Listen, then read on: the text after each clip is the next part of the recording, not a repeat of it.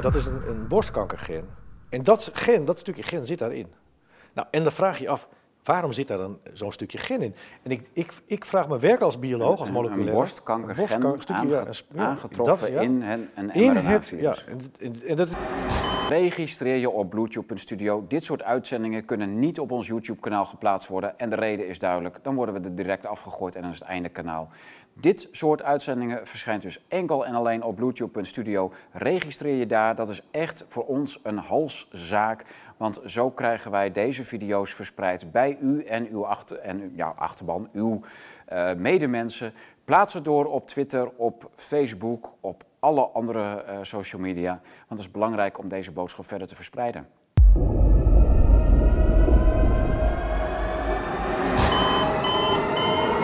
Van harte welkom bij Blue Tiger Studio in Groningen. Mijn naam is Tom Zwitser en vandaag aan tafel gaat het over dingen die we van we dachten dat ze voorbij waren en die gaan toch weer terugkomen.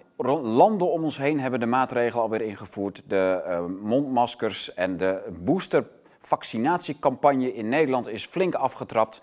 En eh, ja, Peter Borger is in het land. Peter Borger, ja, Peter Borger van Terug naar de oorsprong. Ja, toch wel een heel lekker boekje van afgelopen jaar. En eh, nog steeds actueel. Dit is een boek wat niet aan actualiteit is, ook niet echt een nieuwsboek. Maar eh, wel een heel belangrijk boek over hoe de DNA-wetenschappen van de laatste decennia eigenlijk een einde hebben gemaakt aan Darwin en het Darwinisme en de evolutie, biologie. En eh, nou goed, dat kunt u allemaal hierin lezen. Peter Borger is vandaag de gast om het te gaan hebben over coronavirussen, over virussen die wel of niet bestaan, over... ehm, ja, oh, je hebt je krantje opgeborgen. ik heb net vond zo gelezen. gezellig dat jij je krant zat te Ja. lezen terwijl ik eh, de intro eh ik, deed. wilde jou, eh, ik wil even horen wat je allemaal zegt. Oké, nou ja, goed. Want ik dacht, hey, misschien gaat hij ook nog zeggen, in dat boek wordt ook beschreven hoe bepaalde virussen tot stand komen. Nou, ik denk dat het heel belangrijk is, hè, met virussen. Waar komen die virussen nou eigenlijk vandaan? En er zijn natuurlijk heel veel theorieën Ja. over virus ontstaan. ja. Maar een, hele, een, een, een heel er vaak is veel op vergeten... gespeculeerd de laatste twee jaar. Ja, of, of ze wel of niet zouden bestaan. Nou ja, goed, dat is natuurlijk zo'n Ja. zo'n zo'n Nou ja. idee van, van een, een, die professor Lanke heeft, heeft dat ook eh, naar voren Ja, gebracht. Hè? Lanka. Ja, Ja. Dat virussen überhaupt niet bestaan. Maar dat is natuurlijk, eh, dat, kun je, dat kun je eigenlijk wel aan de kant schuiven als, als niet echt wetenschappelijk. Want je- we, we weten waar bepaalde virussen hun oorsprong hebben. Nou, dan weet u dat het heel leuk gaat worden na de boekenbreek. Want de boekenbreek is erg belangrijk. U heeft massaal dit boek bij ons besteld over eh, ja, dat boek van Robert Kennedy, een wereldwijde bestseller. Meer dan een miljoen exemplaren eh, zijn er al wereldwijd verkocht. En nu sinds twee weken ook in het Nederlands verkrijgbaar. Onze ban op YouTube is ook voorbij en waarschijnlijk kijkt u daarom naar deze film. Maar we hebben dus echt een paar video's van de afgelopen weken opgespaard tijdens onze ban op YouTube. Die kunt u nu allemaal bekijken. In, eh, die zijn gisteren en vandaag geüpload. Dit boek, daar hebben wij het enorm druk mee. We zijn aan het inpakken, we wachten weer op nieuwe eh, pallets en voorraden. En dan gaan we weer inpakken en dan is het weer op en dan gaan we weer wachten op nieuwe voorraden. Dat betekent dus dat u ietsje langer heeft moeten wachten op dit boek. Maar wij zijn echt heel erg druk met het verwerken van deze bestellingen. U kunt gewoon doorbestellen als u hem nog niet heeft. Gewoon doen. U krijgt er nu een gratis boek. Krijgt u, nu ja, u krijgt gratis een boek bij deze, eh, eigenlijk bij alle orders in de webwinkel. Dus of u nou terug naar de oorsprong koopt van Peter Borger, want dat is een heel goed boek. Of dat boek van Kennedy, De gevaarlijkste dokter op aarde, over de grote farmafia eh, achter corona, achter de vaccinatie. Eh, dat is echt een heel onthullend boek. Dik ook, 700 pagina's. U krijgt hem eh, in huis. Met dus een gratis boek. En daar hebben we een aantal titels voor geselecteerd. Liefde voor beginners, Welke democratie, eh, Rusland en het Westen. En we hadden, hadden nog eh, een boekje over de economische eh, ongelijkheid. Hele interessante titels. Dus dat is allemaal zolang de voorraad strekt, die gratis boeken. We jagen ze allemaal er doorheen.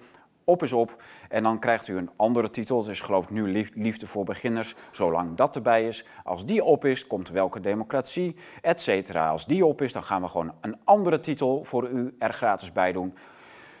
Enfin, u krijgt dus voor een heel lekker prijsje, 24,95, een heel erg belangrijk boek met nog een gratis blauwe tijgerboek in uw brievenbus.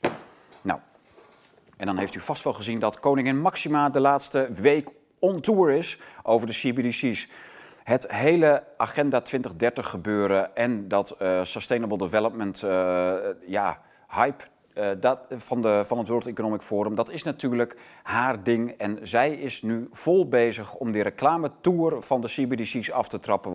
Deze Epoch is de eerste en enige publicatie in het Nederlands tot dusver over de CBDC's, die nu, as we speak, beginnen.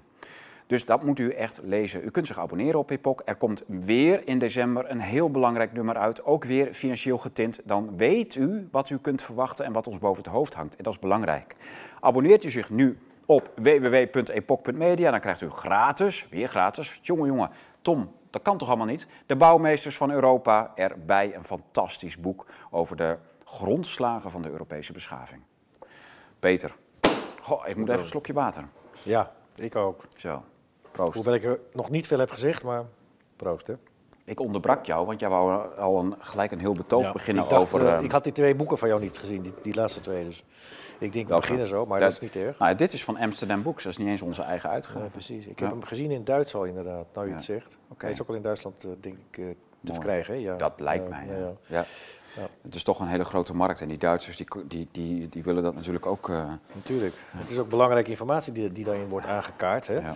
Eh, ik vond het ook wel grappig dat je zei farmafia. Ik gebruik het woord ook regelmatig op mijn weblog. En we noemden die mensen farmafia omdat ze hele slechte studies doorvoeren met heel slechte statistiek. Maar ze houden ook de goede studies tegen. Ja, dat gebeurt ook. Ja. Nou ja, wat zijn goede studies? Eh, studies die niet welgevallig zijn in hun eigen kassa, die houden ze tegen. Dat is, eh, dat is duidelijk. En dat is steeds duidelijker geworden, ook natuurlijk de laatste twee jaren. Maar wij wisten dat tien jaar geleden al, dat ze met een hele nieuwe... eh, met, met, ja, kijk, een nieuw winstmodel hè, wouden ze graag eh, opbouwen. Maar die mRNA-technologie is Ja, en dat is, het- dat is het super winstmodel natuurlijk. Want je kunt, eh, je kunt elke maand kun je een nieuw vaccin kun je ontwerpen en produceren. Nou, dat is, duurt dan wat langer, maar het, het ontwerp is, is, is, is achter de computer. Je doet het in, in 24 uur. Je zet daar een, een moleculair bioloog op en die ontwerpt voor jou een nieuw vaccin. Bijvoorbeeld het Omicron-vaccin. Ja. Hè, komt er een nieuw, nieuw vaccin voor Omicron? Dat is ook nog een grote vraag. Ik zeg steeds tegen Maar mensen... dat is nou, toch al twee jaar oud, Omicron? ja, Omicron is, is, eh, dat is dus het, nieuwe, het, het nieuwere vaccin, eh, het nieuwere virus. hè. virus. Dat- Ja, maar die, die zwerft al heel lang rond. Nou, meerder, ongeveer een jaar denk ik nu op dit moment. Oké. Want kijk, het begon allemaal met, met Wuhan hè, destijds. En dan Ja. kreeg je beta, delta. Nou ja, goed, we zijn nu bij Omicron aangeland. Omicron verspreidt, verspreidt zich heel snel hè, en is veel minder, ehm, minder gevaarlijk, veel minder ziekteverwekkend. Zoals we dat ook verwachten van een virus. Dat is de normale gang van zaken van een virus. Nou ja, goed, willen, we, willen, willen de politici ons nog, nogmaals gaan inenten, dan waarschijnlijk met een nieuw vaccin, O- Omicron-vaccin. Eh, Je ontwerpt het in, in 24 uur en nou ja, goed, een beetje langer de, productie. En ik zeg ook steeds, ja goed, eh, wat gaat er gebeuren in, bij ons in Duitsland, waar ik dan woon? Hè, want er is nog steeds de vaccinatieplicht nog niet helemaal van de baan. Daar wordt nog steeds over gepraat. En eh, ik verwacht, als, als ik, ik, ik stel me zo voor dat, dat ze al lang een, een, een Omicron-vaccin hebben klaar liggen, wat dan Ja, ja. de volgende stap is. Ja. En dat wordt dan natuurlijk ook weer een RNA-vaccin, met alle haken en ogen eraan. Maar ook in Duitsland. Eh, Mensen zijn het ook echt zat. Ik was op de Frankfurter Boegmes eh, van de week en ik zag daar ook... en dan word je allemaal in de bus van de parkeerplaats naar de, naar de beurs gereden. In, in een bus, in een grote bus. En dat rijdt allemaal af en aan. En er staan wel borden mondmaskers verplicht. Dat die verplichting is er. Maar ik denk dat driekwart het niet doet. Dus een, misschien nog wel meer. En dat echt een, een enkeling, een paar enkelingen in zo'n bus nog met een mondkapje in die bus gaan zitten. En dat viel mij toch wel heel erg mee ten opzichte van die jarenlange plicht in Duitsland en die, ook die plichtsgetrouwheid van de Duitsers om alles maar te gehoorzamen. Overal werd je toegesnauwd, eh, masker dit.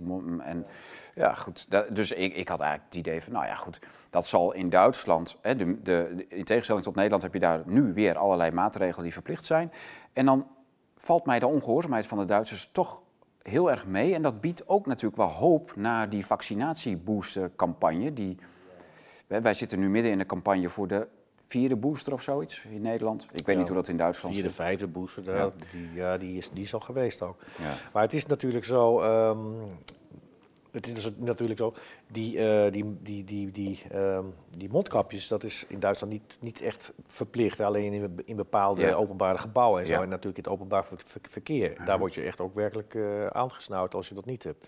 Ik heb meer, meerdere, meerdere verhalen van, eh, van, van, van, van, eh, van mensen die werkelijk eh, worden echt aangesnauwd en, en uitgescholden. Terwijl ze dan een, een, hoe heet het, een, een, een, een, ehm, een brief hebben waarin zij van uh, gevrijwaard zijn, ja. en, eh, officieel. Ja. Maar goed, blijkbaar eh, zijn er mensen die eh, dat echt zien als een soort bedreiging als je geen eh, mondmasker op hebt. Ja, ja. En eh, ja, is het echt een bedreiging? Dat is, een, Nee, dat is kijk, een grote, de bangste mensen vraag. heb je natuurlijk al, overal altijd. Ja. hè. Dus je, eh, ja, goed. Er zijn nog steeds mensen enorm onder de indruk van corona. En ja, dat, dat is, dat, dat is bijna, in Nederland is het bijna een soort woke-cultuur aan het worden. Hè, dus iedereen die enorm woke is, is ook heel erg eh, voor coronamaatregelen. Dus het is een soort van... eh, eh, ja, en, en ze zijn ook allemaal heel erg voor Oekraïne en heel erg voor de NAVO. Dat, is- dat zijn van die gekke dingen die allemaal... Het is echt een dossiertje aan het worden met een rijtje met, met dingen waar ze allemaal enorm voor zijn. Ja. Ja. Ja, ik heb dat ook gezien inderdaad. Eh, ook op Twitter komt dat voorbij. Je kunt gewoon eh, eigenlijk de, de klok erop gelijk zitten. Hè. Ben, je, ben je voor alle maatregelen voor corona, dan komt dat automatisch erachteraan. En ben jij kritisch naar, eh, naar coronamaatregelen op basis van wetenschap, dan ben je meteen eh, ergens extreem rechts of zo. Ja. Met Dus andere woorden, eigenlijk ze is, ja, precies. Maar wat, wat, wat raar is, is eigenlijk dat als je probeert op een wetenschappelijke manier daar een, wa- een blok waarheid neer te leggen, dan ben je extreem rechts Ja. Tegenwoordig. maar ze zijn narratief trouw. Hè? Dus, Ja, dus nou, alle zal- narratieven dat- dat uit de media zijn, ja. nemen ze over. Ja. Ja, dat is, dat is die... eh, Maar goed, ja. ja. Dus dat is een, eh, een, een zeer merkwaardige gang van zaken. En dat is een ontwikkeling van werkelijk de laatste, laten we zeggen, 10, 20 jaar. Dat, is, dat, dat je toch ziet dat, eh, dat, dat het zich in deze richting heeft, eh, heeft op, eh, op, op, op bewogen. Ja. Hey, ehm, jij kwam met leuk nieuws. Jij bent eh, terug naar de oorsprong aan het vertalen. ja, Dat is leuk. inderdaad, inderdaad. Ik heb daar afgelopen jaar aan gewerkt ook. Ehm, ik ben nu ongeveer halverwege met een Duitse vertaling. Die is ook door eh, collega's van mij is die, eh, goed ontvangen. Echt eh, gezegd, ja, dat is echt een goede informatie, goede, goede wetenschappelijke informatie, goed onderbouwd. Ja. En de eerste helft is nu zo goed als klaar. En ik ga er deze winter ga ik er nog hard aan werken, want er is natuurlijk de laatste tien jaar is ook, zijn vele nieuwe inzichten ook gekomen. En Ja. ik heb al in, mijn, in, het, in, het, in de Nederlandse versie geschreven van het laatste hoofdstuk. Wat er eigenlijk op het gebied heeft gespeeld afgelopen tien jaar. En of dat nou in.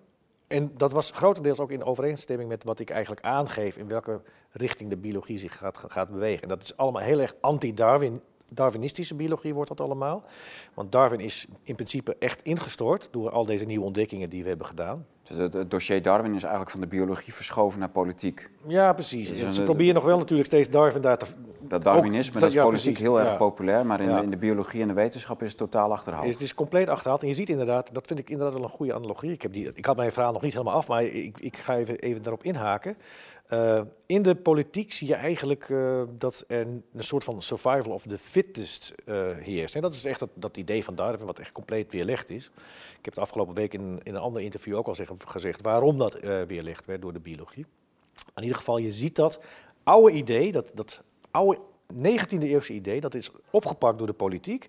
En eigenlijk is het nu de survival of the richest, kan je zeggen. Of de survival of de mensen met de, met de meeste macht, zou je kunnen zeggen. En dat, heeft eigenlijk die, dat is eigenlijk de filosofie, de ideologie, die, die wordt verbreid via de politiek.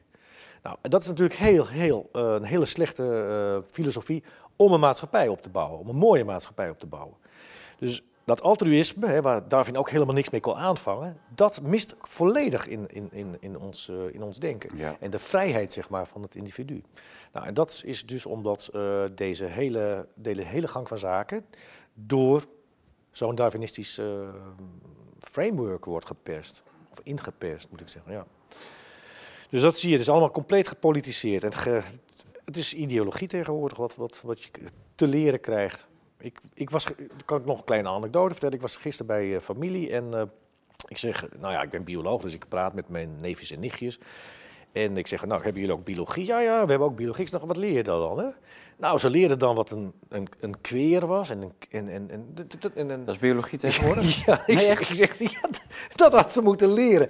Ik denk, leren jullie dat? En leren, leren jullie dan niet van de complexiteit van een, van een levende cel en zo? En, en hebben jullie dan geen oorsprongsvraag? Nee, helemaal niet. Dus ze leren dus, dus wat, wat, wat, wat, wat, wat er zo al aan vreemde dingen kun, kun- eh, voorkomen. Ze leren eigenlijk de abnormaliteiten en dat wordt dan gepresenteerd als wetenschap. Hè? En dat proberen ze te onderbouwen met biologie, maar dat kan natuurlijk helemaal niet. Dus dat is wel grappig. En ik denk, ha, dat is, dat is de biologie van, Nou, de, van de 20e, 21e Oh, wat eeuw. erg. Dus ze leren werkelijk helemaal, eh, geen werkelijke wetenschap, geen met wetenschap onderbouwde Ja. biologie eh, leren ze. En dat zijn, dat zijn kinderen van, nou ja, ik denk 14, 13, 14, 15 jaar. En die, eh, Maar hoe gaan ze daarmee om? nou, ze vonden het wel een beetje vreemd. Zij zegt, ik heb veel liever eh, eh, veldbiologie. Ik vind Ja. het leuk om een, een plant Bloemen, te bekijken vogels. of een, Ja. een vogel. Ze, Ja. ze zegt, ja, ze hadden een keer een, een, een, leuke excursie gehad. Dat vond ze dan echt heel mooi. En dan had ze echt iets geleerd ook over de biologie. En dit vond ze gewoon, ja, ze zegt saai. nou ja, goed.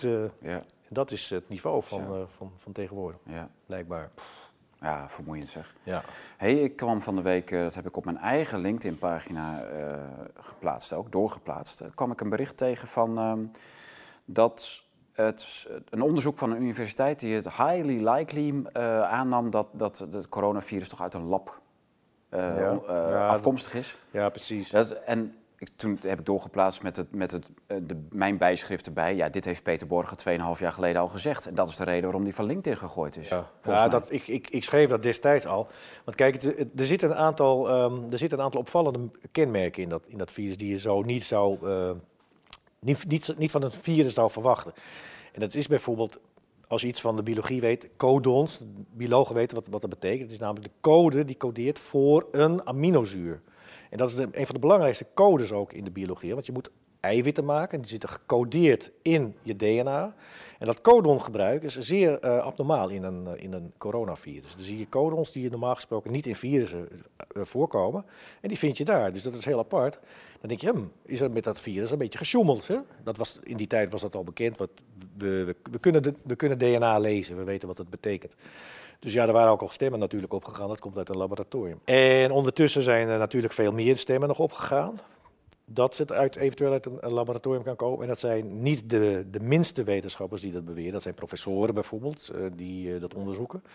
Dat zijn evolutiebiologen die dat zeggen. Ik heb net een boek gelezen van een Duitse evolutiebioloog. Die heeft daar zelfs een heel boek over geschreven. Die zegt ook, waarom is deze vraag, waarom, is die niet, waarom kunnen wij die als wetenschappers niet gewoon bediscussiëren? hè? Ja, dat mag niet. Nou, blijkbaar is dat, is, dat een soort taboe wat daarop rust. Ehm, dus dan gaan mensen het zelf doen. En kijk, het is heel simpel om een sequentieanalyse door, tegenwoordig door te voeren. En je- je hebt zoveel programmatuur en zoveel mogelijkheden om te kijken waar komen die sequenties dan voor. En dan vind je ook hele, hele vreemde dingen met, met, met, met dit virus. Hè. Ja, jij, eh, hebt, er is, dus jij, jij, jij bent goed bevriend met Roger Lauwe, ja, die pas ontslagen is bij het Erasmus eh, als eh, onderzoeker, wetenschapper. ja, die, die heeft natuurlijk tegen heel veel zere beentjes aangeschopt Ja. met zijn PCR-testkritiek. ja. Nou, je, hebt, je las net in een andere krant, dat, daar heeft het ingestaan. Ja. Hoe is het met hem?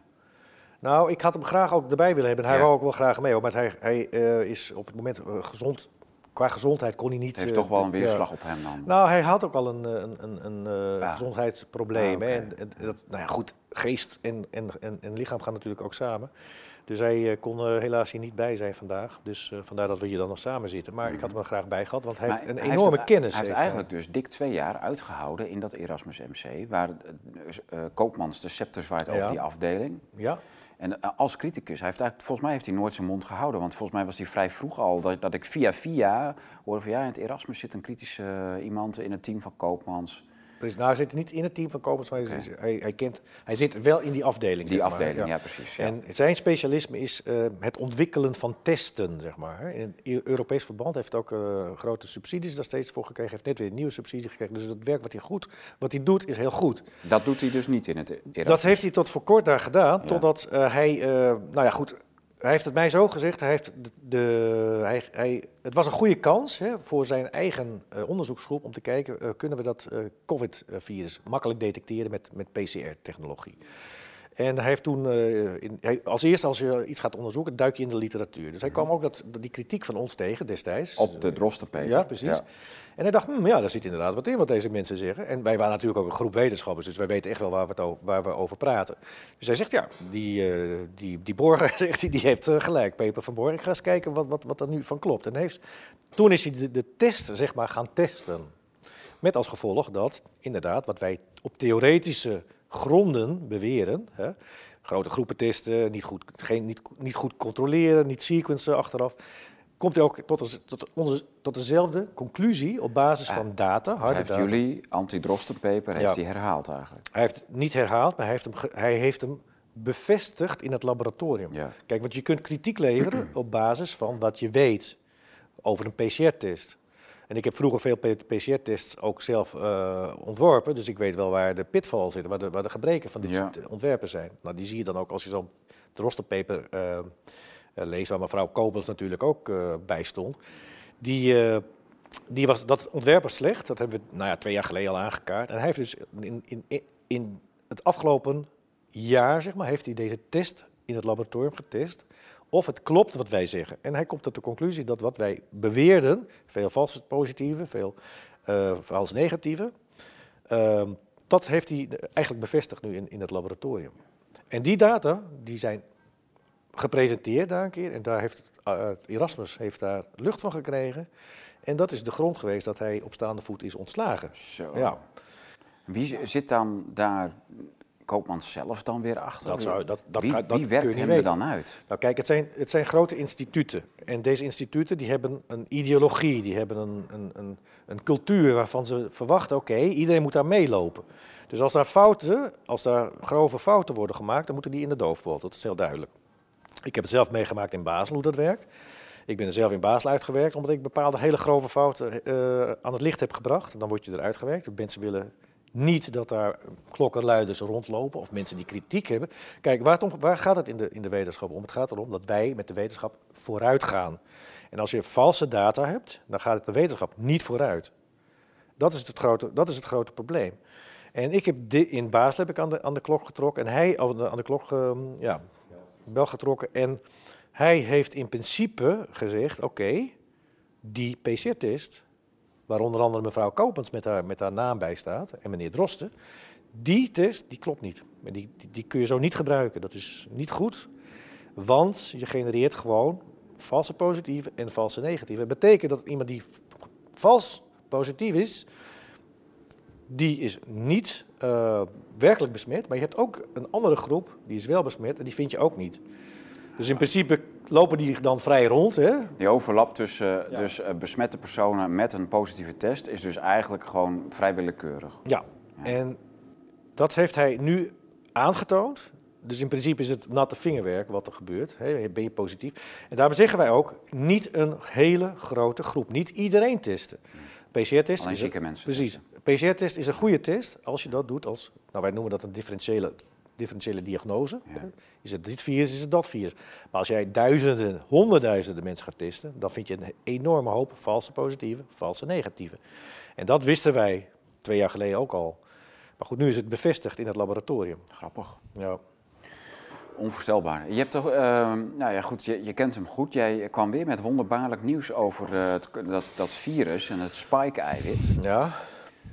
Dat daar rare dingen in zouden Nou, zitten. kijk, ik heb, ik heb afgelopen week even met hem gebrainstormd. En, uh, en hij heeft extreem, extreem veel uh, verstand van, ook van moleculaire biologie. Dus wij kunnen daar goed over Ah, praten en goed ja. over discussiëren. En hij zit ook op ongeveer op dezelfde golflengte. Hij, hij is een extreem kritische wetenschapper. En we hebben, we hebben kritische wetenschappers nodig. Die met een kritische bril ook naar data willen kijken. En dat doet hij, ik doe dat ook. En we hebben een aantal dingen uh, besproken, een aantal uh, artikelen die de laatste jaar zijn uitgekomen, zeg maar. En een van die artikelen die laat zien dat in het spike-eiwit, in het spike-RNA-vaccin, um, dat er toch zeer merkwaardige um, sequenties aanwezig zijn. En in, dat het in het vaccin? In het vaccin zelf, ja. Okay. Want je kunt, het heel, je kunt tegenwoordig kun je dat vaccin ook gewoon, die sequentie, die kun je tegen alle handen van databases, kun je die, daar kun je ze mee vergelijken. En het interessante is, hij, hij, hij weet heel veel van, um, van CRISPR-Cas-methode. De CRISPR-Cas is de, de, de genscheer, zeg maar, waar je, waar, je, waar je genetische mutaties mee kunt, kunt doorvoeren. Misschien weet je nog van die twee Chinese baby's van een paar jaar geleden die toen werden geboren. Dat waren dan de eerste, uh, de eerste uh, genetisch gemanipuleerde baby's, zeg maar. Ah, ja. Dat was toen nogal een, een rel ook. Ja. Nou, dat, is de, dat hebben ze gedaan met deze zogen, zogen, zogenaamde gen schaar. Daar kan je genen mee knippen en uh, veranderen.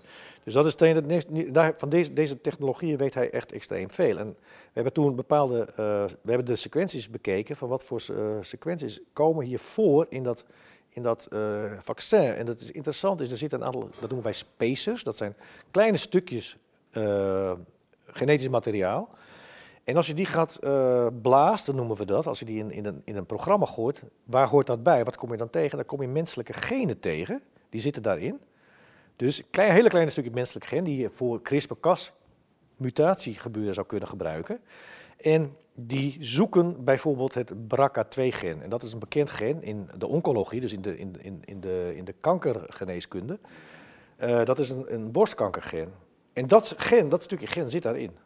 Nou, en dan vraag je af, waarom zit daar zo'n stukje gen in? En ik, ik, ik vraag me werk als bioloog, als moleculair... Een borstkankergen een stukje, ja, aangetroffen in een, een in het, ja, en, en, dat is, dat, en dat heeft een 100% match. Dus dat betekent, dat is niet toevallig. Nee. En dat is ook niet door mutaties daarin gekomen. Waarom zit dat erin? Dat is echt... Mijn, kan, ja, kan een vaccinatie ook muteren dan? Uh, nee, natuurlijk. Nee, kijk, nee, ja, daarom, kijk ja. dat, dat gaat ook niet. Nee. Dus, dus 100% match ja, is gewoon... Maar ik bedoel, als ze, dan, als ze zich baseren op dat spike-eiwit, uh, dan zou je kunnen verwachten, oké, als het precies dat spike-eiwit is, dan is het misschien door een mutatie nog ontstaan. Maar dat, deze kansen die zijn echt nul dat het, dat het zo is gegaan. Maar mijn, mijn grote vraag is, waarom zitten dit soort sequenties erin? Er zitten nog een aantal menselijke sequenties in, die kun je terugvinden in, in je database. En ik, vraag, ik, wou, ik, ik, ik daag ook de politiek, politici uit. Waar komen die, waarom zitten die, die genen daarin? Waarom zitten die stukjes, waar, waarom zitten die daarin? Dus ik spreek ook de politiek nu aan. Hè? Wij willen graag weten als, als moleculair biologen waarom deze sequenties in het spike-vaccin uh, Is dat een mogelijke verklaring voor het feit dat er zoveel genezen kankerpatiënten na vaccinatie in één keer weer terminaal ziek Nou, dat heeft waarschijnlijk, als dat inderdaad die data, ik heb daar ook wel van gehoord, dat heeft waarschijnlijk meer te maken met, met, uh, met je immuunsysteem. Immuunsysteem, ja, precies. Ja. Maar mijn vraag is, waarom zitten deze sequenties in een vaccin? Maar wat zou het eventueel dan kunnen doen in zo'n in zo'n uh, ja, ingespoten worden? Wat, nou, wat zou zo'n borstkankergen daar zoeken? Of nou, kijk, als je iets van die CRISPR-Cas-technologie weet, je hebt, je hebt een, meestal heb je een sequentie die het gen opzoekt, dat is zo'n RNA, is dat, wordt gemaakt, dat is CRISPR. Die zoekt een gen op en daarna komt Cas, wordt geactiveerd en die knipt dat gen. Dus ja, ik zeg niet dat dat mogelijk is, maar ik zit me af te vragen waarom zitten die sequenties erin. Dus je knipt dan in principe het BRCA-gen knip je kapot. En dan, nou ja, BRCA-gen is gerelateerd aan, sterk gerelateerd zelfs aan het induceren van borstkanker. Dus dat soort dingen, ik, ik begrijp helemaal niet waarom, dit sequenties, waarom die sequenties erin zitten, waarom we die, die terugvinden. Dus daar weer, dat is denk ik belangrijk dat, dat, we dat, uh, dat we dat boven de tafel krijgen. Ja, goed. Uh, uh, bizar gewoon. Ik, ik, sta met mijn ik vind het ook bizar. Dus ik, daar moet een goede verklaring voor zijn. Ja, want dat is dus een 100% match. Dat is gewoon bewust inge, ingezet. Ja, kijk, ik wil, ik, kijk, ik baseer me nu ook op een, ja, op een publicatie. Eén publicatie. Dus ja. ik wil weten, mensen, politici, wat betekent dit? Laat dat onderzoeken door het RIVM. Laat die dingen op, opnieuw analyseren. Misschien zit ik ernaast als wetenschapper. Er moet een dialoog zijn. Ik kan ernaast zitten, maar ik zie die sequentie. Ik wil weten wat het betekent. En als, als ik ernaast zit, dan geef ik dat toe. Ja. Zo werkt de wetenschap. Ja, ja, precies. Zo, onvoorstelbaar. Ja. ja. Nou ja, goed. Maar, maar, er is dus eigenlijk nog helemaal niet zoveel gedaan uh, met wetenschappelijk onderzoek om te kijken wat er in de vaccinatie zit. mRNA, DNA, vaccin, vaccins. Nou, wat er zelf, kijk, er zijn heel veel mensen die hebben daar wel naar gekeken en die vinden dan wat, wat, wat sequenties en zo, maar wat betekent dat allemaal? Is dit moeilijk zoeken om zoiets te vinden? Nou, het is niet echt moeilijk zoeken, want je, kijk, als je puur gaat, je gaat richten op de sequentie van het RNA zelf, dan, dan vind je dat wel. Maar die, die stukjes, als je dat moet gaan sequencen, zijn altijd heel klein, dus die moet je aan elkaar gaan plakken met, een, met, met, een, eh, met, met, uh, met, uh, met computer tools en dan weet je pas wanneer je, wat de hele sequentie betekent. Nou goed, um, je vindt ook wel wat andere dingen erin, maar Kijk, mijn, mijn, mijn, uh, mijn, hoe heet, mijn primaire punt was steeds het RNA-vaccin. Waarom krijgt iedereen een RNA-vaccin ingespoten? Dus ik, ik, ik, maak me niet echt heel erg uh, bezorgd over, over dingen die er eventueel ook in zouden kunnen zitten, zoals adjuvantien en dergelijke. Want we, we, weten wel dat die ook bij bepaalde mensen bepaalde reacties kunnen voortbrengen. Het gaat er mij om uh, dat er een een gen van een virus, een RNA-gen of een DNA-gen, direct in je lijf wordt ingespoten. En ik heb vanaf het begin gezegd, mensen niet doen. Ja. Oeh. Maar goed, ik ben in, het, in de loop van de tijd ben ik ook. Uh, heb ik, ik heb natuurlijk de, voortdurend mee bezig houden. En ik krijg ook heel veel vragen van mensen. Dus die, die, die geven je wel eens een artikel waarvan je denkt, oh, dat is inderdaad, dan moet ik toch maar even iets verder uh, gaan uitzoeken. Ik krijg ook heel veel artikelen of heel veel, heel veel dingen die, waarvan ik denk, nou ja goed, dat is waarschijnlijk uh, gewoon ook, uh, komt uit het circuit van de, van de niet goed doordachte uh, verhalen. Hè. We weten wel complottheorie en dergelijke. Er zit ook wel veel complottheorie bij. Hoor. Komen van beide kanten komen, uh, komen, komen ook onzinverhalen, laten we zo zeggen. Ja, nou, daarover gesproken. Misschien moeten we dan toch naar, de, naar, dat, naar het onderwerp wat we in het begin aansneden. Uh, of virussen bestaan of niet. Oké. Okay. En, dat is natuurlijk wel, dat blijft, nou, ja, blijft rondzingen. Ja, ik heb jou vanaf het begin af aan horen zeggen van nee, dat, ze bestaan echt. Dat, ja. dat, het, het nou, speelt goed, kijk, we, we, wat we zien momenteel, we zien, uh, kijk, het is eigenlijk een beetje, je kunt het een beetje vergelijken met bacteriën. Vroeger konden we bacteriën niet zien. Die kon je, toen de microscopen beter werden, in de, in de 19e eeuw konden we ze wel zien. En ja. Nou goed, dan kun je, niet, ja, kun je er niet omheen. En dan zijn er mensen, ja, dat zijn ziekte, sommigen kunnen ziekte verwekken. Maar goed, betekent niet dat alle bacteriën ziekte kunnen verwekken. En we hebben in de loop van de eeuw zeg maar, steeds meer bacteriën ontdekt. We hebben nu duizenden en nog eens duizenden bacteriën. En er zijn sommige bij inderdaad, die kunnen bepaalde ziektes kunnen ze verwekken. Dus dat, dat is een heel goed postulaat, dat heeft ook goed gewerkt. Hetzelfde geldt nu voor bacteriën. We konden virussen. Met virussen, ja. We konden die virussen niet zien. En om nu te zeggen, en nu is het zo, we hebben nu al deze DNA-technologieën. We, kunnen nu, we weten ook ongeveer wat een, wat een, wat een, een, een viraal gen is. Hè? Dat, dat, weten we op basis van sequentie. Dus het is niet zo dat we die dingen dan ook rein cultiveren, want dat gaat helemaal niet. Maar we weten, als jij bijvoorbeeld een liter zeewater puur gaat sequencen op virale genen, dan vind je 5000 ja, dus nieuwe virussen. Een virus isoleren kan niet. Ja, kijk, en we zeggen dan, ja, we vinden nieuwe virussen. Waarom zeggen we we vinden nieuwe virussen? Omdat wij sequenties vinden die normaal gesproken alleen in virussen voorkomen. Maar dat betekent niet dat al deze vieren, virussen, dat die ziekteverwekker zijn. Want ze hebben waarschijnlijk een bepaalde functie in het hele ecosysteem. Omdat, ik zeg zelf altijd, het is, het is, de, het is de laatste stap in alle regulerende en controlerende mechanismen in de biologie. Want ze kunnen zichzelf niet vermeerderen. Dus daarvoor hebben ze een andere cel nodig en die dat te gronde gaat. Dus je kunt je voorstellen, zijn er te veel bacteriën, dan heb je een balans met virussen. En die virussen die zijn dan de laatste controle op een, uh, op een bacteriële uh, uh, groei. Nou, die virussen die kennen we ook allemaal in de biologie. Dat zijn de zogeheten de, de virus, uh, virus, nee, de bacteriofagen, dus bacterievirus. Nou, en op dezelfde manier vind je dus duizenden en duizenden uh, virussen waar je ook gaat kijken. Je vindt ze overal. En soms is het net als bij bacteriën. Maar je moet dus bewust gaan sequencen en zo voordat je überhaupt iets gaat zien. Kijk, al deze dingen, de meeste dingen zijn gebaseerd op alleen de sequences de, de DNA- en de RNA-sequenties. Zitten daar zwakheden in zo'n proces? Nou, er kunnen wel, natuurlijk wel zwakheden in zitten. Kijk, het is, het is eigenlijk het mooiste is als, je, als jij zegt van oké, we hebben een bepaalde virus, hebben we, hebben we rein gekweekt. Daarmee gaan we een mens infecteren. Dat, dat is geïsoleerd, toch? Dus, ja, precies, die is dan geïsoleerd. En dan moet je dan een mens mee infecteren om te kijken of dat de, de ziekteverwekker is. Nou ja, goed, dat is onethisch, dus dat kan niet. Dus doen ze het soms bij apen of bij ratten. En dan zie je toch echt dat daar een, een, een effect is op de cellen. Dus dan kun je toch wel bijna gaan. gaan dan kun je wel zeggen: oké, zo'n virus die kan zo'n uh, ziekteproces uitlokken. En waar komt dat dan? Want jij bent ontzettend kritisch op uh, agressieve virussen, virulentie, die uh, in een laboratoria gekweekt wordt dus waar komt dan dit onderzoek wat jij zegt van, nou ja, ga je testen op apen om te kijken of, het, of virussen bestaan en, en wat voor gevolgen ze hebben, of ze ziekteverwekkers zijn. Waar gaat dat die grens over naar het kweken van agressieve. Nou, kijk, dat, krijg je, dat, dat is bij de, die gain of function is dat. Hè? Dus dan gaan ze, gaan ze bepaalde virussen die vrij onschuldig zijn, die gaan ze dan, die gaan ze dan met elkaar combineren, wat in de natuur eigenlijk niet voorkomt. Nee, okay. en dat doen ze in het laboratorium. Hè? Dat, doen ze, dat doen ze in Rotterdam. Doen ze dat. Met, met wat voor doel? Uh, met, met als doel inzicht te krijgen in wat er zou kunnen gebeuren als het zou gebeuren in de natuur. Nou, wat ze doen, ze helpen de natuur gewoon even een handje. Wat in de natuur eigenlijk helemaal niet zou gebeuren. Misschien. Nou, de kansen... Maar dan is het toch overbodig om het te is, doen? Het is volstrekt overbodig. En ik zeg ook steeds, daar moet meteen een moratorium op worden gezet. Ook gain of function gain of function moet, verboden worden? Moet meteen verboden worden. Kijk, Moet meteen verboden worden. Het is echt, ik heb het ook steeds op Twitter gezegd, ik heb het op LinkedIn gezegd. Gain is het grote kwaad wat, wat ze in de microbiologie uh, doen of in de virologie doen. En je kunt je, je kunt je voorstellen, ik, ik hoorde net nog een verhaal, ik, weet, ik heb dat zelf nog niet gelezen, maar dan hadden ze, dan hadden ze ehm, de Omicron hadden ze gerecombineerd met een, met een, eh, met een beta. Dus met het, met het virus van twee jaar geleden, wat, wat er rondging, zeg maar. Ja, ja. Wat een agressief virus was. Heel veel mensen die werden echt zwaar ziek. Heel veel mensen die gingen daar dan aan dood. Dus dat is het coronavirus. Precies, en dat, zwaar dat was het ja. coronavirus van twee jaar geleden. Ik heb ook gezegd, die dingen die worden steeds minder ziekteverwekkend. is vanaf het begin. Ik heb dat vanaf het begin Ja. gezegd, want dat is de normale Ja, gang van zaken. Dat weten wij als biologen.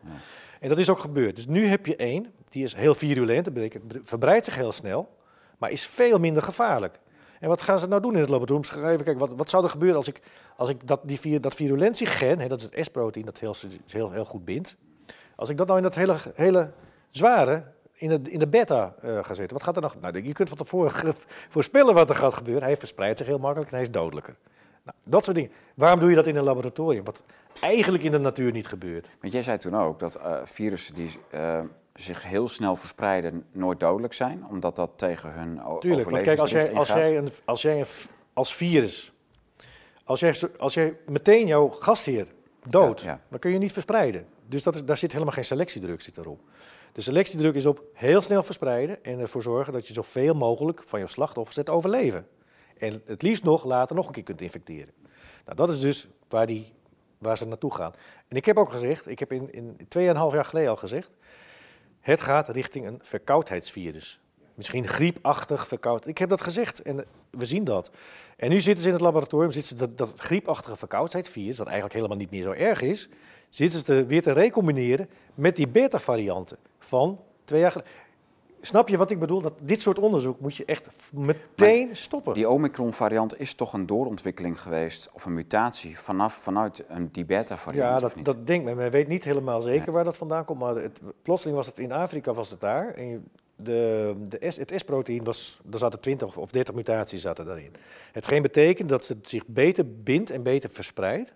Maar de virulentiegenen, de, de, de, de schadelijkheidsgenen voor de mens, die waren eh, gereduceerd, zeg maar. Dus je krijgt een zwakker virus wat zich beter verspreidt. En dat wil je natuurlijk. Je wilt een zwakker virus wat, wat zich helemaal niet meer verspreidt. Maar dat is een utopie.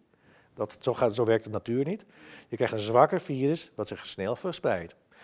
En nogmaals, wat ze dan doen, ze willen kijken. Hè, ze gaan die, die zwakke en zwakke virus die zich goed verspreiden, gaan ze combineren met een, met een, een, een, een beta-variant. Nou, wat gebeurt er?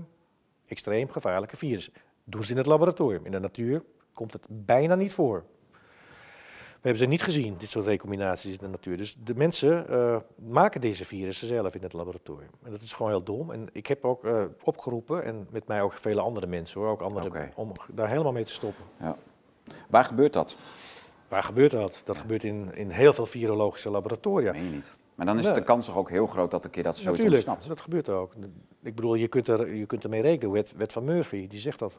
Dat waar, waar dit soort dingen gebeuren, zal ooit eens een keer een fout optreden. Ja. Heel werken. moeilijk is het niet, want het is heel, eh, heel eh, eh, ja, vluchtig spul natuurlijk, een virus. Ja, dat, dat, het- dat- ja. overal Maar kijk, die, laboratoria zijn natuurlijk wel super, super veilig ingericht. Hè? Ja, wel. nou ja, Maar- in naam. En, Ja. en zou ook, eh, in theorie zou er ook fantastisch op gehandhaafd worden, maar in de praktijk blijkt dat dat dus niet gebeurt. Nee, dat, dat denk ik ook. Kijk, ik heb zelf ook in laboratoria gewerkt en het, het, het, het klinkt altijd heel mooi, maar het wordt een beetje, er wordt- veel ook gerommeld. Net als die PCR-test zelf. dat- Als je gaat tuurlijk. kijken hoe die in die, in die testlaboratoria, hoe die PCR-testen dan ook werkelijk getest worden. Ja, Ja, da- daar lusten de honden geen brood van. Nee, precies. En dat is dan zogenaamd allemaal gecertificeerd. ja, Ja. tuurlijk. Maar goed. Maar het, Eh, is dezelfde, het zijn dezelfde soort inspecties die die PCR-tests toe- toezicht houden als die ook op die laboratoria Ja. zitten. Ja. Tuurlijk, maar goed, ik zeg ook, je kunt dit soort dingen wel, je kunt dit soort dingen wel doen. Bijvo- bijvoorbeeld in laboratoria extreem goed gecontroleerd zijn. Maar waar mensen werken, worden altijd fouten gemaakt. En het is extreem, echt extreem moeilijk om virussen, hè, die je sowieso al niet kan zien, en die zich overal in de lucht bevinden, om die te controleren. Hoe ga je die controleren? Dus daar, we hebben daar wel systemen voor hoor. Die, die, die, die, die goed beveiligde laboratoria zijn natuurlijk goed beveiligd. Maar er, er kan altijd iets gebeuren. Dat moeten we, daar, daar moeten we ons echt goed in de gaten houden. En daarom zeg ik ook, waarom zouden wij dit soort virussen gaan maken die extreem gevaarlijk zijn? Als je dat van tevoren weet. En je zegt wel, ja, dat is om, om, te, om, de, om, de, om, de, om deze virussen te bestuderen. Maar daar hebben we niet extreem gevaarlijke virussen voor nodig. Daar hebben we virussen voor nodig die echt werkelijk in de natuur voorkomen. Dus niet virussen maken en dan bestuderen. Nee, Pak nou gewoon die virussen en Ja. ga die bestuderen. Maar de Amerikanen zouden dan zeggen, ja, maar joh, eh, kijk, als wij, als wij het niet doen, dan doen de Chinezen het en we willen weten ja, maar dat is toch geen, geen, dat is toch geen, geen eh, argumentatie? Nou ja, het- dan kunnen ze naar Wuhan verwijzen. Ja. Maar ja, goed, de- nee, het is geen argumentatie. En bovendien is natuurlijk, wat in Wuhan gebeurt, natuurlijk heel bizar. Nou ja, goed, het is, het, is de, het is dus de vraag, wat wil je ermee bereiken? Als het echt alleen maar was voor, voor wetenschappelijk onderzoek om een virus te begrijpen, hè, zijn systeem, hoe die zich verspreidt en hoe die virulent is en hoe die, waarom, waarom hij gevaarlijk is, dan kun je dat wel voorstellen. Maar daar, heb je dus niet, daar hoef je niet eerst een extreem gevaarlijk virus voor te maken. Dus je kunt je voorstellen, wat, wat hebben de... Kijk, wat is inherent aan de mensheid en de wetenschap samen? De wetenschap, als ze iets vinden, dan wordt het altijd militair toegepast. Altijd. Dat hebben we gezien met atoomsplitsing. Ze hadden het nog maar net ontdekt, of de eerste atoombommen die, vielen al, eh, die werden al eh, ontworpen. Dus dat hebben we daar gezien. En virus. Hè? Ik, heb, ik heb tien jaar geleden heb ik ooit een keer een, een, een boek geschreven met een, met een vriend. Dat had ook dit onderwerp. Hoe kun je de wereld decimeren? Op een, op een hele makkelijke manier. Nou, dan doe je met een virus. En in die tijd was die kennis, die was er al. En dat was ook al gepubliceerd. Daar hadden ze een pokkenvirus gemanipuleerd zodanig dat het je immuunsysteem uitzet. En dan is het 100% dodelijk. In muizen. En dat was een muizenpokkenvirus. En dat konden ze 10, 12 jaar geleden al. Of waarschijnlijk was, is het al zelfs al iets ouder, iets ouder. Dat is waarschijnlijk al 15 jaar geleden dat ze dat deden. En tegenwoordig zijn die technologieën die zijn Ja, nog, nog, ja, ja. nog, nog. Ehm, Hoe zet je een immuunsysteem uit? Want er is- er is toch niet één immuunsysteem, of wel? Nou, of een immuunsysteem wat op Het immuunsysteem is, is, een, is een, echt een extreem complex Ja, geheel van cellen daarom. en van moleculen die Ja. samenwerken. Het is een samenwerkend systeem. Dus normaal gesproken is het zo, als er een virus-attack is, hè, er komt, ontstaat ergens een virus in een vogel of in een vleermuis of in ons genoom, daar kunnen ze ook eh, uit voortkomen, dan is jouw, ehm, jouw, jouw, jouw antivirussysteem meteen ge- gealarmeerd. En meestal is het zo, in, laten we zeggen in, in 90% van de gevallen is het zo dat je die virussen eigenlijk meteen de baas bent. We hebben zoveel op elkaar gestapelde immuunsystemen dat een, een virusattack dat wordt eigenlijk met, meteen afgeslagen. En als het niet meteen afgeslagen wordt, dan komt natuurlijk ook nog het, het latere immuunsysteem, het adaptieve in werking. Dat zijn dan de, de B-cellen met hun antilichamen. Dat is meestal een latere respons. Die, dat is dan de ultieme vechtmachine, kan je zeggen. En die hangen daar allemaal antilichamen aan. Dan wordt het alsnog opgeruimd. Dus als je een goed werkend immuunsysteem hebt, dan kun je eigenlijk alle virale ehm, aanvallen kan je wel de baas. Je wordt wel ziek, maar dat hoort er gewoon bij. Dat hoort erbij. Dat versterkt je lichaam. Dus Dus ja, je eh gain of function onderzoek gewoon verbieden. ja, dat Ja. is eigenlijk wel wat ik ook al twee jaar zeg. Hè. Dat, is, dat is eigenlijk wat we moeten doen. Want de meest gevaarlijke eh, virussen die komen toch echt uit het laboratorium, lijkt mij. Ebola kwam er toch ook uit, of niet? Nou, dat heb Wat- ik zelf nooit onderzoek naar gedaan. Ik heb wel eens iets gehoord dat dat zo, dat zo, Oh. dat het zo zou, zijn. Maar ik ken daar geen data die dat, Nee. eh, die dat echt eh, bewijzen. Of, of Nou, het is natuurlijk heel typisch dat dat altijd in, ergens diep in Afrika in één Ja. keer uitbreekt en ook altijd daar blijft. Ja, maar dat zegt dus ook iets over de verspreiding van zo'n virus. Hè? Kijk, dat virus dat is daar ontstaan. Dat kan zich, dat is dus niet, en het, wordt zeg maar gecontained, dus eh, binnen de perken gehouden door de mensen die daar wonen. En die ontwikkelen die immuniteiten daartegen. Dus het immuunsysteem is echt plastisch. Het is echt een heel plastisch systeem. En je kunt je dat ook voorstellen als, als, als er echt een extreem gevaarlijk virus ontstaat. Waarvan 90%, waaraan 90% doodgaat en 10% niet. Dan gaat natuurlijk die 90% is weg. Maar die andere 10% die leeft daar. En dat virus kan niet meer op die mensen aangrijpen. Dus dan is het in principe verdwenen. Dus af en toe steekt het dan wel weer de kop op. Maar dat is niet zo dat het dan supersnel zich verandert. Ja, ja. Ja. Dus da- dat is ook de reden dat mensen toch een paar keer corona kunnen krijgen. Ja, waarom kunnen mensen een paar keer corona krijgen? Dat is een goede vraag. Dat heb ik me ook wel zitten afvragen. Het is natuurlijk het is een beetje als een Als, griep wij, dan, als hè? die test dat... eh, Ja. ja. Maar goed, ehm, ik heb het inderdaad ook gehoord dat, dat, dat, er, dat er mensen zijn die het al één of twee of drie keer hebben gehad. Het is natuurlijk mogelijk eh, als jij eh, in eerste instantie een, een, een bepaalde afweer opbouwt die dan weer naar, naar, eh, naar beneden gaat. Maar waarom dat nou precies zo is, daar hebben we ook nog niet echt een goede verklaring voor. Ik heb wel data gezien dat je bijvoorbeeld naar het, het coronavirus van, van, van 2003, hè, dan zag je dat na ongeveer anderhalf jaar had je nog 50% van je immuunrespons op, op, op, Oh. op, het, op het niveau van, Aha, van dus je als je, niet, als je een tijd lang niet aan blootgesteld wordt, dan neemt de immuunrespons ook weer af. Nou, dat, in principe is, zie je dat in het bloed van die mensen. Die hebben die antilichamen niet meer. Maar het is natuurlijk zo, het immuunsysteem heeft ook een, een memory. Ook die T-celrespons heet dat Ja. T-celrespons Ja. heb je ook. Die, die treedt ook op. Die is veel moeilijker te vangen, eh, te, te monitoren. Maar die, eh, die, eh, er is altijd memory. T-cellen hebben memory, maar ook B-cellen hebben memory. Dus het is in principe heel vreemd dat je een, een virus twee keer kunt krijgen als het zich niet te erg verandert. Dus het heeft, dat, heeft, dat zou ermee te maken kunnen hebben dat het zich inderdaad verandert. Dat het een andere, andere omhulsel krijgt, Ja. een omhu- omhulsel Ja, ja. aanpast. Op die manier begrijpen we wat tegenwoordig. Ja, interessant. En wat is er verder nog voor nieuws op het front van eh, DNA, virussen?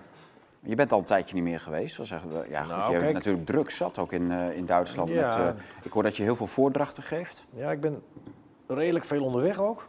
Nou, ik werk aan mijn, aan mijn Duitse boek. Ja, oh, sorry. Dat had ik jou even moeten vragen. Kijk, Kijk, kijk eens even. Ehm, ja, ik ben wel redelijk veel onderweg. Eh, ik schrijf veel over oorsprongsvraagstukken. En natuurlijk eh, hoort ook de oorsprong van erbij. Dus daar heb ik me dan ook mee, mee, eh, mee, mee eh, bezig gehouden. En, ehm, nou, goed, in het begin was je daar niet echt... Ja, je was er sowieso van overtuigd dat virussen bestonden. Nou, kijk, ik, omdat ik het boek in 2009 had geschreven, wist ik wel waar virussen hun oorsprong hadden. Kijk, het is zo, dat kan ik nog wel even opmerken, ook, dat is denk ik ook wel belangrijk om te zeggen. Ik, heb, ik ben in 2003 ben ik tot de slotsom gekomen dat er een, dat er een God bestaat. En ik heb me ook bekeerd destijds. En ehm, toen had ik nog een aantal vragen. Ik dacht, hé, hey, ehm, als er dan een God bestaat en het is een goede God, waar komen dan ziekteverwekkers vandaan? Waar komen die ziekmakende, eh, eh, ziekmakende virussen, bacteriën vandaan? Dus beide. En toen ben ik daar naar op bezoek gegaan. En toen had ik na een kleine zoektocht al in de gaten waar ze vandaan zouden kunnen komen. En daar zijn een aantal scenario's, die beschrijf ik ook in mijn boek, waar ze hun ontstaan mogelijk hebben. Dus om te zeggen dan, virussen bestaan niet als ziekteverwekkers, dat vind ik zeer ver weggehaald, zeer, zeer ver gezocht.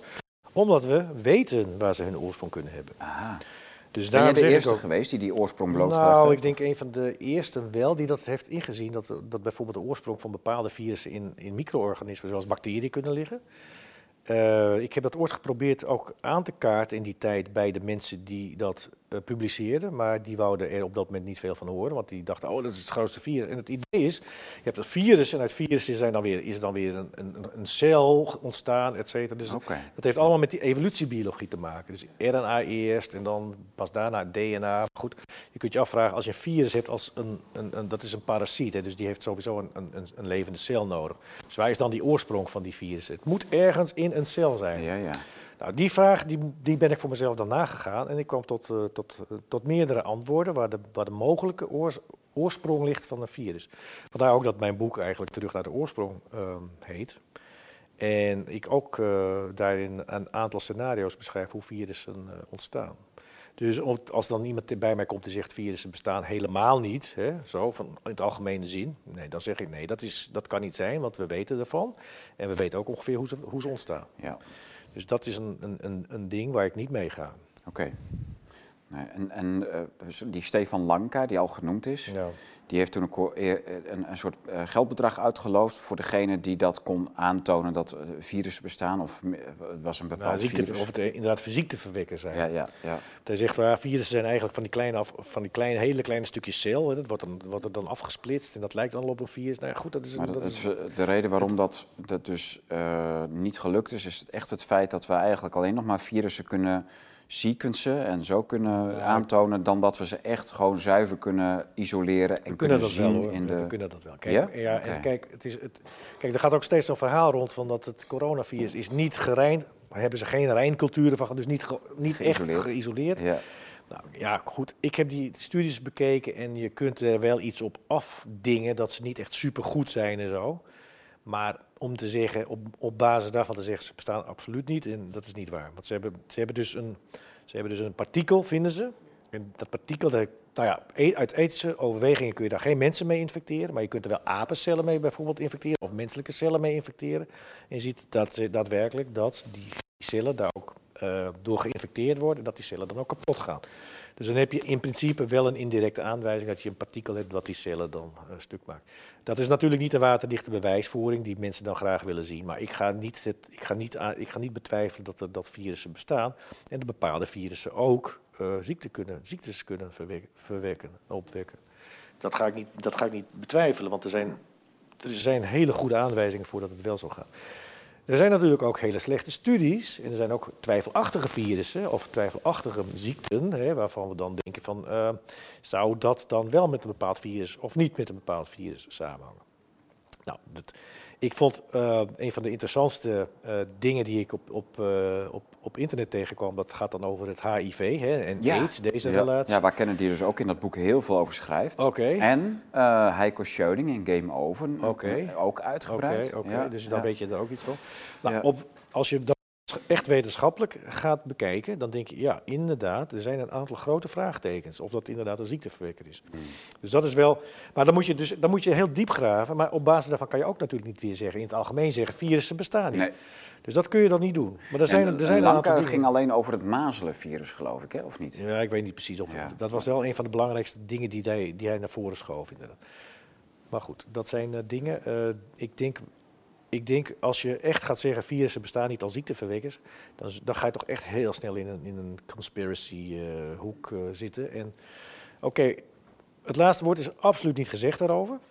Maar we moeten dus altijd, we moeten dus altijd heel goed differentiëren, zeg ik. Je kunt niet op basis van één uh, slecht artikel kun je de hele, de, de, hele virologie ja. weg, weg, ja. wegschrijven.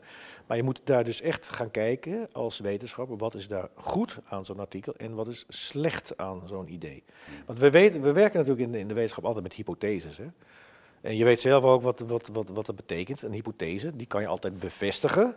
Dus als je hem alleen maar loopt te bevestigen, dan lijkt het alsof het waar is. Maar zo, dat is niet wat, wat je moet doen in principe in de wetenschap. In de wetenschap moet je falsificeren.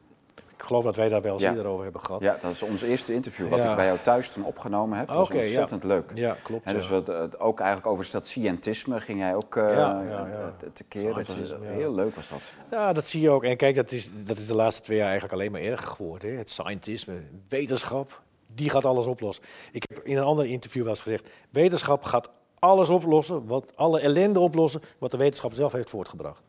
Nou goed, dat soort dingen. En als je dat dan zegt, dan ben je, ja. word, word, je echt meteen daar weer op afgerekend. Van, oh, je, bent niet, je bent geen wetenschapper. Hé, hey, hallo, uh, dan moeten ze eerst de wetenschap ook nog eens een keer gaan definiëren. En dat doen ze ook niet. Kijk, wij wetenschappers werken met definities. Dus uh, anders kunnen we niet ja. met elkaar praten. Ja, nou ja, goed, als je die boeken van Kennedy en, en Game Over van Heiko Schoening leest... Dan, dan zie je toch wel dat de wetenschap inderdaad de problemen oplost die ze zelf veroorzaakt... en daar uh, lekker aan het verdienen is. Dus dat is wel een heel cynisch, letterlijk wat jij, wat jij zegt. Uh, ja, dan moet je heel, heel goed geloof in de wetenschap hebben als je dat... Ja, maar goed, wetenschap kan ook best wel veel hoor. Maar goed, uh, het, het, het, ik zie het grootste, het grootste probleem is de politiek. Hè? Dat is niet werkelijk de, de, de wetenschap. Kijk, het is altijd zo, als wij een, een probleem zien, laten we het plastic probleem zien. Hè? De burger, of de politiek zegt de burger moet het oplossen. Dat moet van, van bottom-up. Nee, je moet van probleem aanpakken, wetenschappelijk gezien, is van top-down. Dus je pakt dan het plastic producerende probleem aan. En niet het plastic opruimende, daar ga je niet beginnen. Dat, zijn, dat, is, dat is een te breed probleem. Dus dan moet je daar hele. En dat vind ik dus een, een, een zeer merkwaardige gang van, van aanpakken. Waarom, waarom doen we dat niet gewoon van de top-down? Er zijn misschien 20, 30 uh, plastic producerende instanties, uh, industrieën, de plasticindustrie die kun je toch veel makkelijker controleren dan 1 miljard mensen uh, aan, aan, de, aan de bottom, zeg maar. Ja. Dus, maar dat is de politiek, die, die, die pakt de problemen niet echt aan. Die gaat altijd nee, van de burger gaat naar boven. En verdienmodellen worden eraan gekoppeld. Ja, dat is, ja. ja. precies. Er wordt natuurlijk heel veel geld gemaakt met dat soort dingen ook. Maar goed, het, het meeste geld wordt natuurlijk daar aan de top gemaakt. Hè. Dat is ook zo'n piramide gebeuren is dat. En uh, die moet je dus aanpakken. En je moet niet de burger aanpakken. Wat zie jij in de komende tijd echt uh, als een heel belangrijke ontwikkeling uh, op, op dit hele gebied in de breedte? dus we, we hebben nu dat 2,5 jaar ellende aan, achter de rug. Wat, nou, uh, ik, ik, zie nog niet echt een, echt een hele belangrijke ontwikkeling opgestart worden. De belangrijk, wat, ze, wat, wat voor mij echt heel erg nog steeds een hele belangrijke vraag is, is om te kijken waar komt nou precies dat virus vandaan? En als we dat weten, hoe kunnen we dat gewoon eh, voorkomen de volgende, de volgende keer. Dus dan moet je dus echt weten, is het, een, is het van natuurlijke oorsprong? Ik zie eigenlijk een natuurlijke oorsprong zolang steeds minder eh, als, als, een, als een optie. Dus dan, moet je dus, eh, dan kom je dus bij het laboratorium terecht. Dan kom ik weer bij de, bij de gain-of-function experimenten terecht. En bij de militairen, die dit soort dingen eh, opzettelijk maken natuurlijk. Ja, natuurlijk. biologische oorlogsvoering. Ja, precies. Dus eh, dat is ook wel bekend. En dat is, dat, deze vraag zou echt moeten worden opgelost. Ja. De oorsprongsvraag. Ja. En daar ben je alweer bij mijn boek. Hè? Ja. Je moet altijd terug naar de oorsprong. Daar ligt, het, daar ligt de oplossing. En dat is, dat is natuurlijk ook de aanvulling van eh, jouw, jouw boek is natuurlijk ook echt in dat opzicht gewoon de harde wetenschappelijke aanvulling op, de, op dit soort veel meer eh, politieke machtsanalyses. Ja, precies. Eh, ook wel van binnenuit hoor. Dus het is, het is niet dat het nou allemaal speculatie is, maar het is wel echt een. eh, maar, met dit, als je dit combineert, kun je echt gewoon een veel betere aanval plaatsen op, op wat er natuurlijk is gebeurd de laatste 2,5 jaar. Dan kun je veel beter Ja. begrijpen. Wat, nou ja, goed, de HIV-kwestie komt er uitgebreid ook Ja. weer langs. Ja. Ja, op zich een zeer interessante kwestie. Nee, ik, ik zeg ook eh, wel eens eh, van eh, je, moet je, je moet echt je werkelijk de oorsprong begrijpen. Dan weet je ook waar je naartoe gaat. Ja. Dus als je niet, niet weet waar je vandaan komt, weet je ook niet waar je heen gaat. Dat is een, dat is een eh, fantastische zin om, eh, mee af te hè, tenzij jij niks meer hebt. Want dat is echt dat is een, eh, goede, eh, goed advies ook aan mensen. Ja. Ja. Op, Dus op- onderzoek ook je eigen oorsprong. Hè? Belangrijk. met je eigen wortels bezig. Precies. En dat heb jij gedaan. Ja, ik heb dat gedaan. Nee, dat is, eh, dat is leuk. Ik heb, eh, dankjewel eh, Peter dat je hiervoor voor was. Ik, ik heb echt een paar opzienbarende dingen gehoord. Ik hoop dat daar de, nog ja, dat er meer onderzoek en meer studies naar volgen Ja, in de ook. komende tijd. Het zal wel echt, eh dat borstkankergen is echt verbijsterend. Maar goed, ja, we gaan Ja. het zien. Ik hoop dat, dat de mensen ehm, die ook hier een verantwoordelijkheid zien voor zichzelf, en ik spreek dan ook de politiek aan, om daar echt eens, eens serieus naar te kijken of dat klopt of niet. Want anders worden er weer verhalen verbreid. Hè? En dan komen ze weer met, ja, dat is allemaal complot. Nee, laten we nou echt eens gaan gaan kijken of die, of die sequenties er werkelijk in zitten. Dus ook het RIVM, jongens, kijk daar nou eens even goed naar en laat ons Ja, maar ook weten. Gewoon. Stel, dat het allemaal uit een lab komt. Stel dat die farmafia er nou helemaal achter zit. Dat het toch wel ge- gepland is. Eh, Dat het vaccin dat, dat, dat er allemaal doorheen gejast moet worden. En dat de politiek heel erg fijn, eh, fijn uitkwam dat ze al die controlemaatregelen door konden jassen. Dan is zo'n RIVM toch nooit en te, en te nimmer in staat om daar, eh daar tegen te zeggen... ja jongens, eh, maar dit is één groot belangenspelletje geweest. Daar gaan we... Nee, maar kijk, er zijn altijd, er zijn altijd mensen die, eh, die daar zitten die dan eh, gaan klokken luiden. Ja, maar Roger weten- Lauwe was ook Ja. zo iemand. En die wordt er Ja, dan maar goed, uitgejaagd. kijk, dan- kijk als- als, als we steeds meer van dit soort mensen krijgen die echt durven opstaan en echt voor de werkelijke wetenschap gaan, voor de harde data gaan, zonder dat die gefilterd worden, zonder dat die daar- mensen zie jij wel... die ze, ik zie ze, Ja, ze, ik weet dat ze er zijn. ja ik oké. weet dat ze er Kijk, zijn. dat stelt Ja. wel gerust, ja. Ja, Mensen die ook belang hebben en interesse hebben in de oorsprongsvraag. precies. Ja, ja. Hele goede Peter. Gaan wij afsluiten. Mensen bedankt voor het kijken. Het was ontzettend interessant. En ook weer natuurlijk echt een uitzending in het hele proces wordt vervolgd. Want eh, dit is natuurlijk een, eh, ja, zoals eigenlijk alle uitzendingen rond dit thema. Je kunt updates geven, je kunt de laatste stand van de studies en de artikelen die verschijnen geven. Maar een definitief antwoord, ja, op sommige, sommige dossiers kun je inmiddels wat definitievere antwoorden geven dan in andere. Op heel veel terreinen is het gewoon, wordt vervolgd. En dat geldt ook voor deze. En daarom roepen wij u ook op, registreer je op bluetooth.studio. Dit soort uitzendingen kunnen niet op ons YouTube-kanaal geplaatst worden. En de reden is duidelijk, dan worden we er direct afgegooid en dan is het einde kanaal. Dit soort uitzendingen verschijnt dus enkel en alleen op bluetooth.studio. Registreer je daar, dat is echt voor ons een halszaak. Want zo krijgen wij deze video's verspreid bij u en uw achter, en, ja, achterban, uw eh, medemensen. Plaats het door op Twitter, op Facebook, op alle andere eh, social media. Want het is belangrijk om deze boodschap verder te verspreiden. Bedankt voor het kijken. Eh, like en share en abonneer je. Tot de volgende keer.